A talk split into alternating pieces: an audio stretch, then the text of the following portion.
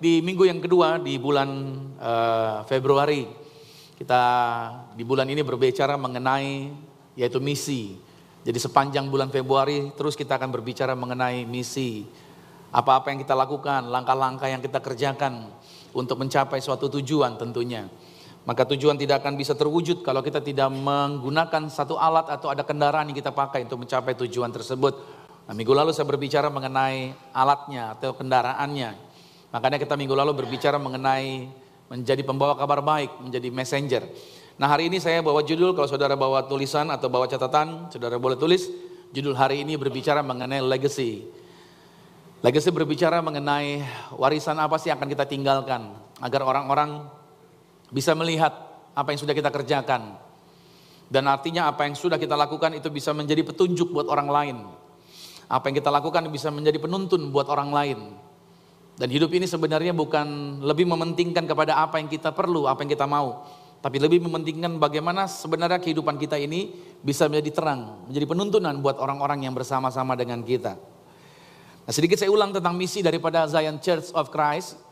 Kita punya misi adalah untuk membangun generasi terang yang berpusat pada Yesus Kristus, berlandaskan Alkitab dan hidup dalam berkat bagi manusia. Ini kita bangun. Kita sedang membangun generasi ini. Kita membangun generasi terang. Orang-orang yang mau hidupnya terang. Orang-orang yang mau hidupnya kelihatan. Orang-orang yang mau hidupnya benar-benar tampak di hadapan orang. Dan saya pengen bahwa dengan membangun generasi terang ini kita akan membawa mereka, yaitu pusat kehidupan mereka bukan pada yang lain selain Yesus. Gak ada yang bisa kita lakukan di luar Yesus, percayalah Bapak Ibu Saudara bahwa yang membuat kita bisa berhasil, yang membuat kita sukses, yang membuat kita berkemenangan. Bahkan satu hal yang membuat kita sampai hari ini juga kita menang atas segala virus, itu karena kita pusatnya adalah Yesus. Amin. Yesus ketika dijadikan pusat dalam kehidupan kita, maka kita akan bisa melakukan segala sesuatu, bahkan kita bisa bergerak di dalam hal-hal yang supernatural. Dan Yesus tidak hanya menyimpan bagian supernatural buat dirinya sendiri, tapi juga buat setiap orang yang percaya pada Yesus. Nah bagaimana kita bisa menjadikan Yesus pusat kehidupan kita? Kalau kita tidak, yaitu menempatkan Alkitab sebagai landasannya. Jadi tidak ada jalan lain. Alkitab itu menjadi landasan bagi kehidupan kita. Sehingga kehidupan kita nantinya akan jadi berkat buat setiap orang yang akan kita jumpai dalam kehidupan kita. Mari saya ajak saudara untuk kita buka di dalam Galatia pada pasal 4. Ayat yang pertama sampai dengan ayat yang ketujuh. Galatia 4 ayat yang pertama sampai dengan ayat yang ketujuh. Dikatakan demikian. Yang dimaksud ialah selama seorang ahli waris belum akil balik Sedikit pun ia tidak berbeda dengan seorang hamba. Sungguh pun dia adalah tuan dari segala sesuatu. Tetapi ia berada di bawah perwalian dan pengawasan sampai pada saat yang telah ditentukan oleh Bapaknya. Demikian pula kita selama kita belum akil balik, kita takluk juga kepada roh-roh dunia. Tetapi setelah genap waktunya, maka Allah mengutus anak yang lahir dari seorang perempuan dan takluk kepada hukum Taurat. Ia diutus untuk menebus mereka yang takluk kepada hukum Taurat supaya kita diterima menjadi anak. Dan karena kamu adalah anak, maka Allah telah menyuruh roh anaknya ke dalam hati kita yang berseru ya Aba, ya Bapa. Jadi ayat 7 dikatakan kamu bukan lagi hamba melainkan anak. Jikalau kamu anak, maka kamu juga adalah ahli ahli waris oleh Allah. Penulis daripada kitab Galatia adalah Paulus. Paulus itu dalam menuliskan sebuah kitab ataupun dia menuliskan surat kepada kota-kota di mana dia uh, terhubung dengan mereka yang ada di kota-kota tersebut, Paulus kerap kali menggunakan berbagai macam uh, istilah, berbagai macam ilustrasi. Dan salah satunya adalah pada waktu dia berbicara mengenai uh, warisan, artinya apa yang kita dapatkan dari Kristus pada waktu kita percaya pada Yesus, Paulus menggunakan ilustrasi mengenai perubahan status orang-orang Kristen, yaitu status tentang seorang anak yang masih kecil, yang belum dewasa dengan anak yang sudah menjadi dewasa. Nah peralihan dari masa kanak-kanak menjadi seorang dewasa itu merupakan sebuah momentum yang sangat penting. Anak-anak berubah menjadi dewasa itu momentum yang sangat penting. Bahkan di dalam perubahan dari anak-anak menuju dewasa, kita akan melihat di situ ada bagian daripada proses pertumbuhannya. Ada perubahan-perubahan yang terjadi. Kalau di dalam budayanya orang atau tradisinya orang Yahudi, saudara, bahwa anak-anak kalau udah sudah mencapai usia yang 12 tahun, maka orang tuanya akan membawa anak tersebut ke bait Allah. Nah orang tuanya akan bawa anaknya ke bait Allah, tujuan untuk apa? Agar anak tersebut disahkan menjadi anak hukum Taurat. Jadi anak itu dibawa oleh orang tuanya untuk disahkan. Anak saya ini umur 12 tahun, menjadi anak hukum Taurat. Dalam artian, berarti anak ini ada di bawah pengawasan hukum Taurat. Jadi kehidupannya, anak ini belajar untuk mengikuti setiap petunjuk daripada hukum Taurat. Makanya saudara orang-orang Yahudi itu punya satu kebiasaan mengajarkan anak dari sejak kecil hukum Taurat. Bahkan kalau mereka masuk rumah, di ambang pintunya, di temboknya, itu pasti ada ayat-ayat eh, ayat-ayat hukum-hukum Taurat. Jadi makanya orang-orang Yahudi itu begitu fasih dan mereka begitu hafal dengan kitab-kitab Taurat mereka. Dan itu menjadi penuntunan buat mereka. Nah tentunya ada sebuah cerita juga di mana Yesus pernah datang ke bait Allah. Bersama dengan orang tuanya pada waktu umur 12 tahun di dalam Lukas 2 pada ayat yang ke-42. Di situ juga tentunya orang tuanya membawa Yesus untuk diserahkan sebagaimana umumnya orang Yahudi. Untuk dibawa pengawasan daripada hukum Taurat. Kalau dalam budaya Yunani saudara, itu seorang yang berumur 18 tahun akan menjalani upacara khusus untuk mereka disahkan sebagai laki-laki dewasa yang mempunyai hak dan tanggung jawab terhadap pemerintah. Nah sejak mereka menjadi dewasa di dalam uh, budaya Yunani, mereka mulai dipandang mampu secara hukum untuk mengerjakan hak dan tanggung jawab mereka. Tetapi sebaliknya sebelum dewasa atau tadi disebutnya sebelum akil balik, status mereka secara hukum mereka tidak lebih daripada seorang budak yang tidak memiliki hak apa pun. Jadi saudara pahami baik, hanya orang-orang dewasa yang punya hak. Tapi orang-orang yang tidak betul belum dewasa mereka sama seperti budak yang tidak memiliki hak apa pun. Nah pada awalnya ya, Anda dan saya adalah hamba. Pada awalnya kita juga seperti itu. Kita tadinya budak. Kita terikat dengan dunia ini. Kita nggak bisa ngapa-ngapain, kita nggak punya hak apa-apa. Hidup kita diatur, dikendalikan oleh penguasa dunia, yaitu iblis. Kita diarahkan untuk melakukan hal-hal yang negatif. Pikiran kita diarahkan untuk berpikir yang tidak tepat. Bahkan kita diarahkan selalu, digoda selalu untuk bereaksi dengan hal-hal yang salah. Kita bagaimana kehidupan kita dulunya seperti itu? Kita mengalami kegelisahan, berbagai ketakutan terjadi dalam kehidupan kita. Bahkan kita mengalami berbagai macam kesulitan dan kesusahan. Namun karena anugerahnya Tuhan, karena kasih karunia-Nya, Alkitab menulis bahwa Allah memilih kita untuk kita menjadi anak-anaknya. Karena saudara, karena Allah mengasihi kita, makanya Tuhan menebus kita dan Tuhan mengangkat kita menjadi anak-anaknya. Yohanes 3:16 mengatakan bahwa karena begitu besar kasih Allah akan dunia ini, sehingga ia mengaruniakan anak yang tunggal, supaya setiap orang yang percaya kepadanya tidak binasa, melainkan memperoleh kehidupan yang kekal. Allah mengasihi Anda dan saya. Jadi dasarnya Tuhan menebus Anda dan saya, itu karena dia mengasihi kita. Dan kita sekarang yang percaya pada Yesus, kita diangkat menjadi anak-anaknya. Ada amin. Nah di dalam ayat yang ketujuh tertulis, dikatakan bahwa jadi kamu bukan lagi hamba, melainkan anak. Nah kita perlu percayakan hal ini bahwa kita yang percaya pada Yesus bukan lagi orang-orang yang tidak punya hak. Bukan lagi menjadi orang-orang yang lemah, yang hidupnya dikendalikan oleh dunia. Tetapi kita adalah anak, sama-sama katakan anak. Nah kalau kita anak ayat ini menegaskan siapa diri kita. Bahwa kita di luar Kristus kita tidak bisa melakukan hal-hal yang istimewa sebenarnya. Di luar Kristus kita hanya bisa menjadi batu sandungan buat orang sekitar kita. Dulu makanya di dalam tulisan itu makanya hamba itu disebut dalam bahasa Yunaninya dulos. Yang berarti budak. Pada saat itu kedudukan seorang budak tidak ada bedanya, maaf ya. Budak itu tidak ada bedanya dengan binatang atau harta benda yang nggak ada nilainya. Nah, makanya pada waktu kita belum diselamatkan, pada waktu kita belum percaya pada Yesus, kita nggak punya nilai hidup kita. Betul ya? Hidup kita kacau. Gak ada nilai yang dapat kita terapkan. Hidup kita semaunya aja. Mana saya suka saya kerjakan, saya nggak suka ya saya nggak lakukan. Itu aja. Dan kita begitu banyak pengaruh-pengaruh dunia ini yang membuat kita terpleset dan melangkah dalam hal-hal yang salah. Akhirnya hidup kita digunakan oleh iblis untuk kita melakukan apa yang iblis mau. Tentunya kita masing-masing coba pikir kembali. Apakah kehidupan kita di luar Yesus itu enak atau tidak enak? Apakah kehidupan kita di luar Yesus itu tenang, sejahtera, sukacita atau tidak? Sebenarnya kalau kita menyadarinya sekarang bahwa kita melihat ke belakang, kita akan berkata, oh iya ya, kacau sekali dulu hidup saya. Bahkan kalau boleh saya katakan, hidup kita malu banget gitu saudara. Hidup kita malu banget. Kita bisa diapa-apainnya disembarangin, dibuat, sembarangan dibuat orang. Saya kemarin nonton sebuah uh, ada acara lawak di TV gitu saudara. Saya nggak sebut brandnya apa. Tapi di situ nanti presenter-presenternya, para pemainnya gitu. Nanti satu ketika ada satu orang yang jago atau yang bisa hipnotis saudara. Yang bisa hipnotis. Nah yang lucunya saudara, yang dihipnotis hanya dua orang ini nih. Yaitu yang laki-laki yang agak-agak banci-banci dikit tuh. Sama satu lagi tuh yang katanya disebutnya ada empok-empoknya di depannya itu. Saudara. Dua orang ini selalu di, di, dihipnotis gitu. Dan selalu bisa. Nah yang satu yang cowok itu saudara yang gak, gak, gak, gak banji gitu saudara.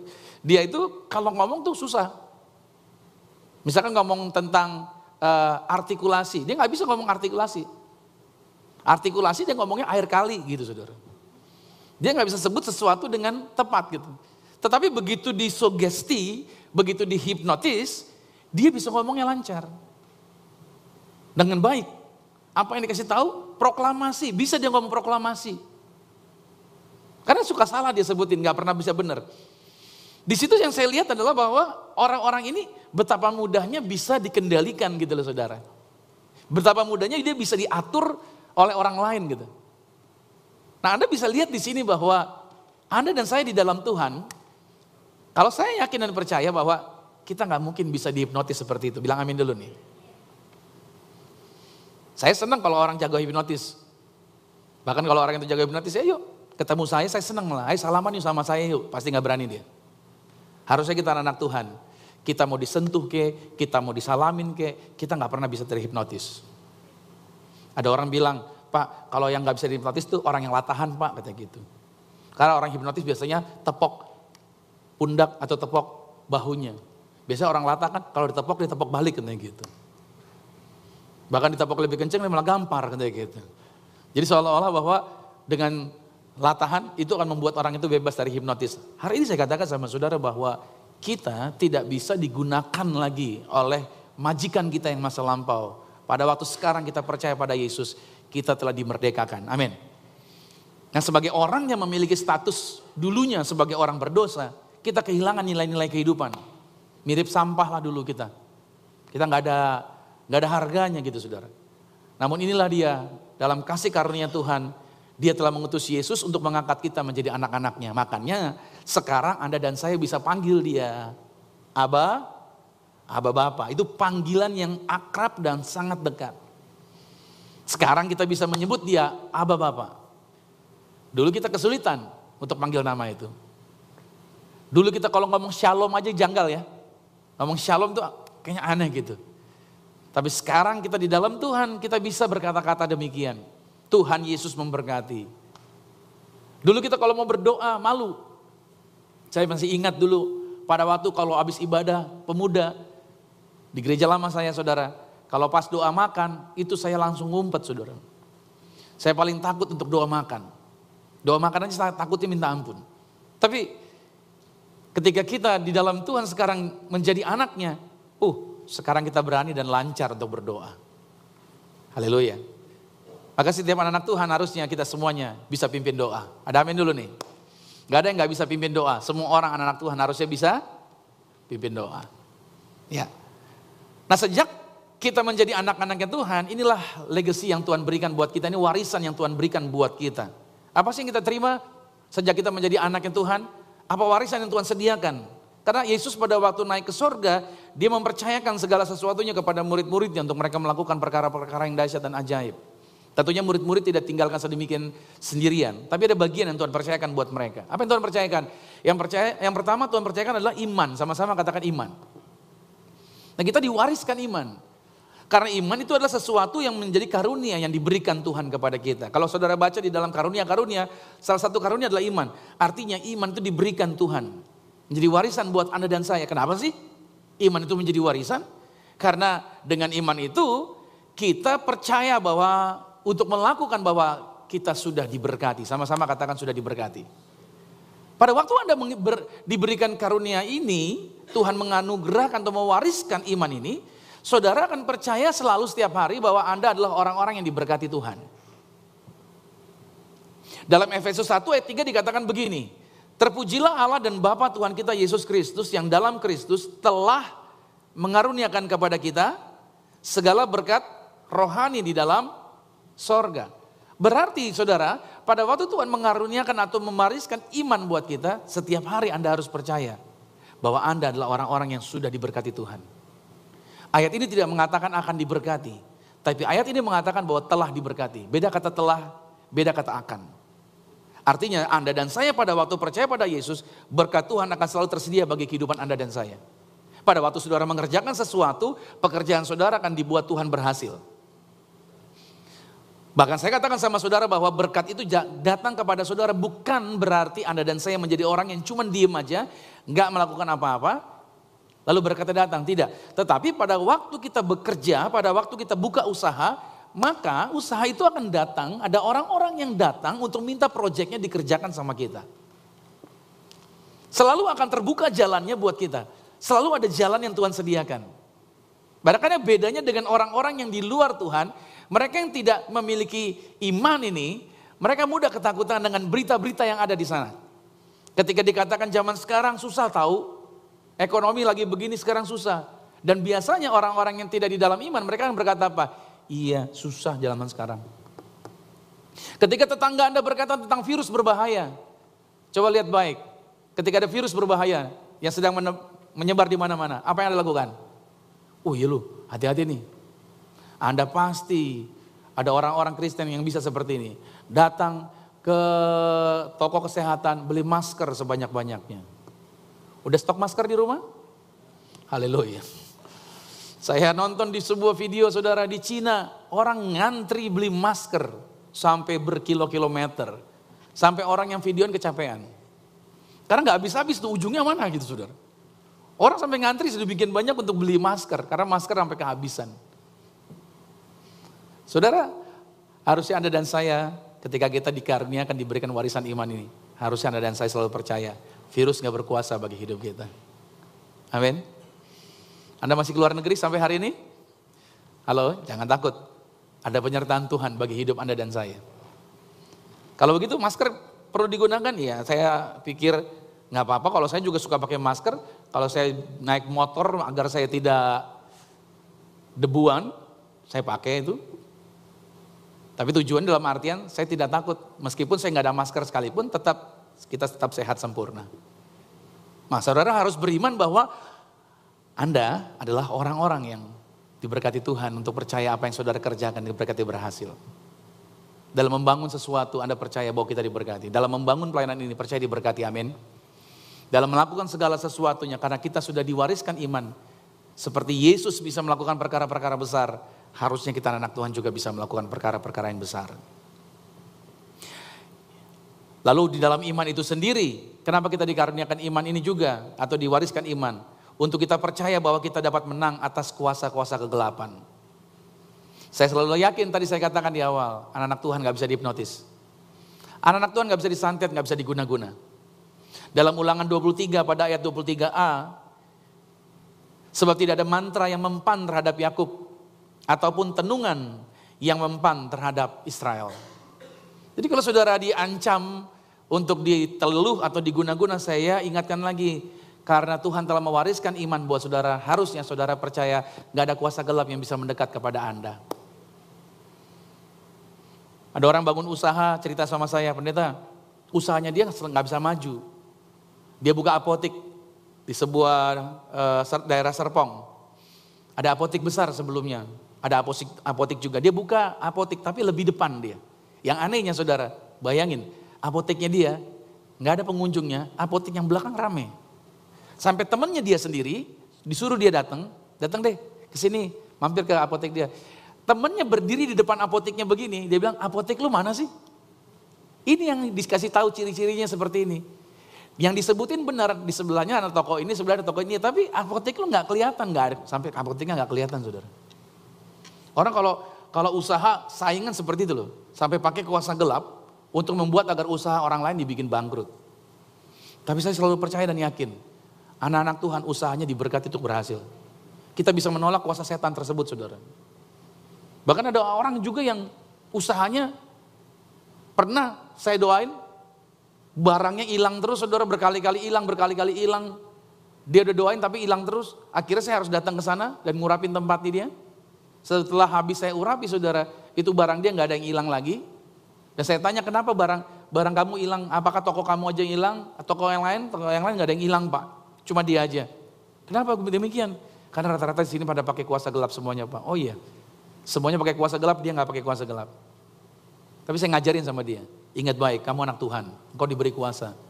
Kita bisa mengatasi bahwa tidak ada kuasa kegelapan yang bisa menang atas kita. Ingat, kita telah diwariskan iman, kamu bisa mengalahkannya. Kita doain saudara. Sejak hari itu sampai hari ini dia aman-aman aja tuh. Gak ada yang hilang. Orang-orang mungkin bertanya sama saya, Pak, Pak Romi gak takut Pak? Itu kan lawan setan, setan gak kelihatan. Pak Romi kan kelihatan. Nanti dia bisa nyamber kita segala macam. Saya kasih tahu sama saudara, setan tidak pernah bisa bekerja kalau saudara tidak pernah beri izinnya. Dia tidak bisa masuk dalam diri seseorang kalau orang itu tidak memberikan peluang untuk dia masuk dalam dirinya. Pada waktu saudara percaya bahwa setan berkuasa, pada waktu saudara percaya bahwa dia bisa mengikat Anda, pada waktu Anda percaya bahwa dia bisa menggerogoti kehidupan Anda, di saat itulah setan akan masuk dan bergerak untuk menjarah kehidupan Anda. Tapi hari ini saya mengajarkan kepada saudara, Tuhan telah memberikan warisan kepada saudara iman untuk Anda percaya bahwa kita menang atas kuasa kegelapan. Selanjutnya lagi ketika Tuhan mewariskan iman buat kita, untuk apa sih? Untuk kita percaya bahwa kita semua yang percaya pada Yesus sudah disembuhkan. Gak ada penyakit yang bisa mengelilingi kita. 1 Petrus 2 ayat 24 berkata, ia sendiri telah memikul dosa kita di dalam tubuhnya di kayu salib.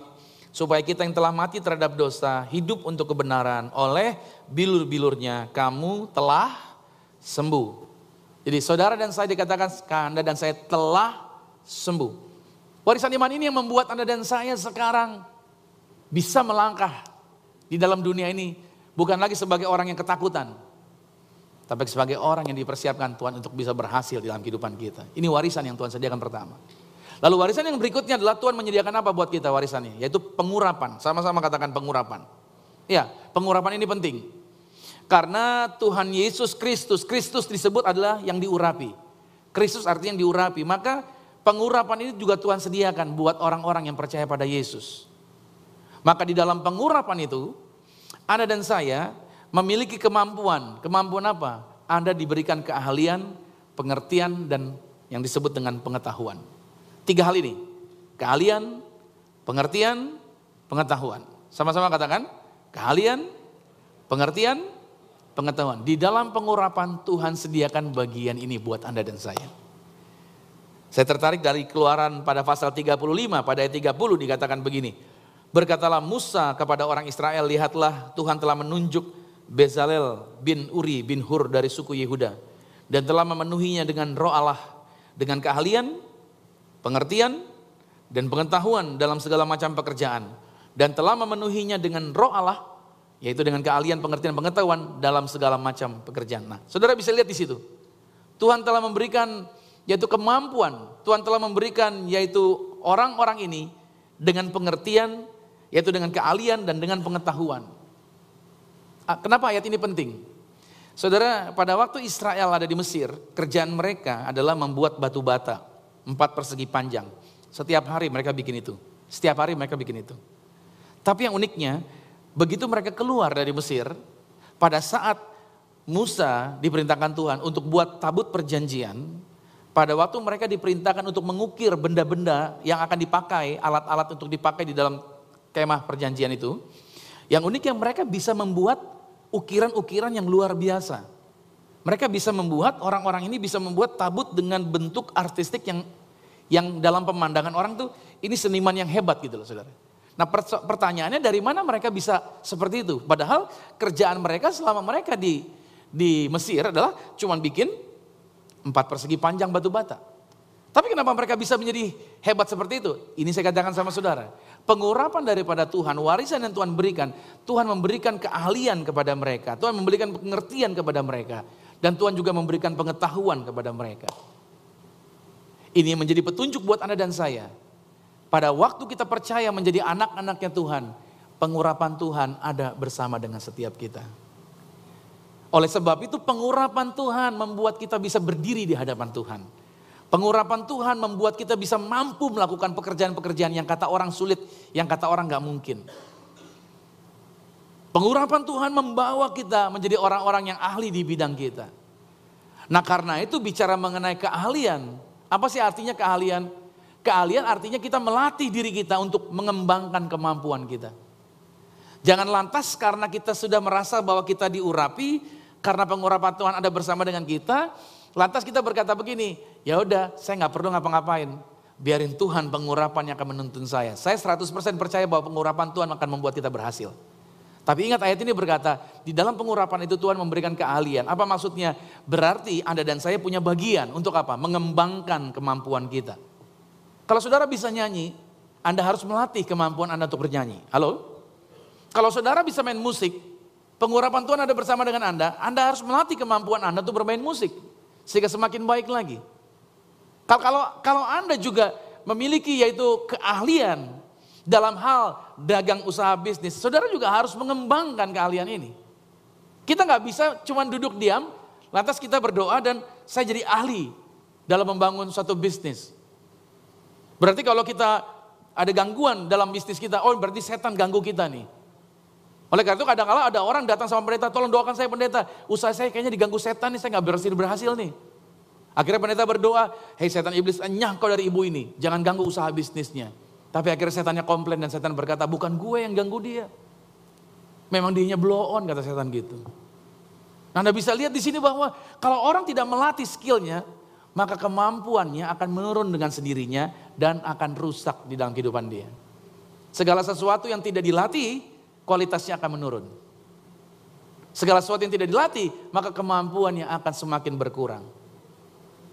Makanya anak-anak Tuhan berarti nggak boleh malas bicara mengenai keahlian, itu berarti kita melatih mengembangkan kemampuan.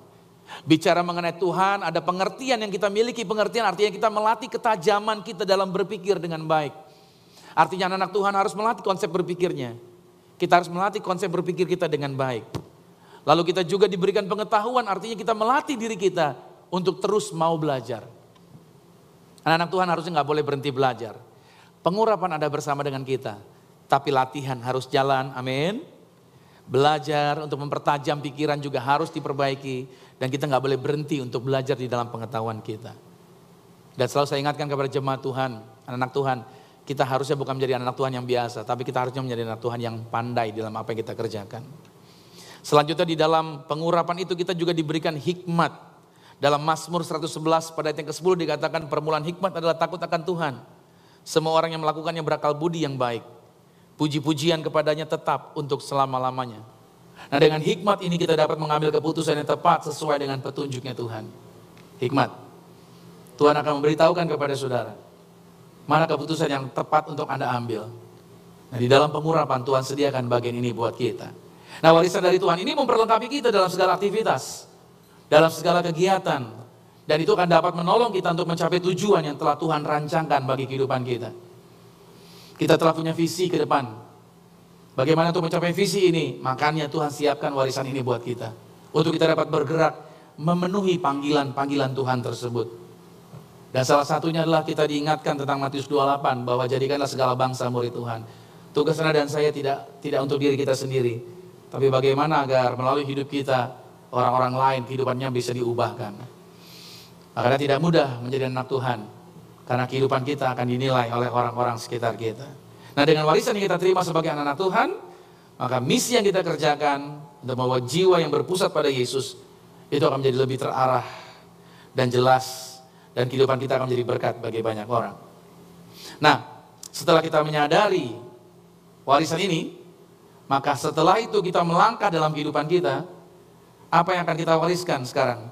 Setelah kita mendapatkan warisan ini, kita juga akan mewariskan kepada orang-orang lain sekitar kita. Karena nggak selama-lamanya kita hidup. Suatu hari kita selesai hidup kita, betul? Suatu hari hidup kita, saya nggak selama-lamanya berdiri di depan menyampaikan firman. Suatu hari saya selesai. Nggak semuanya, teman-teman nggak selamanya mereka berdiri akan melayani di depan sini. Semua kita akan selesai. Selesai itu pasti. Sekarang yang jadi pertanyaannya, apa yang kita mau wariskan kepada orang-orang setelah kita, kepada generasi setelah kita? Yang pertama ini kita wariskan. Mari sama-sama kita wariskanlah hidup yang benar. Bilang sama-sama, wariskanlah hidup yang benar. Saudara nggak ada jalan lain. Orang akan melihat hidup kita.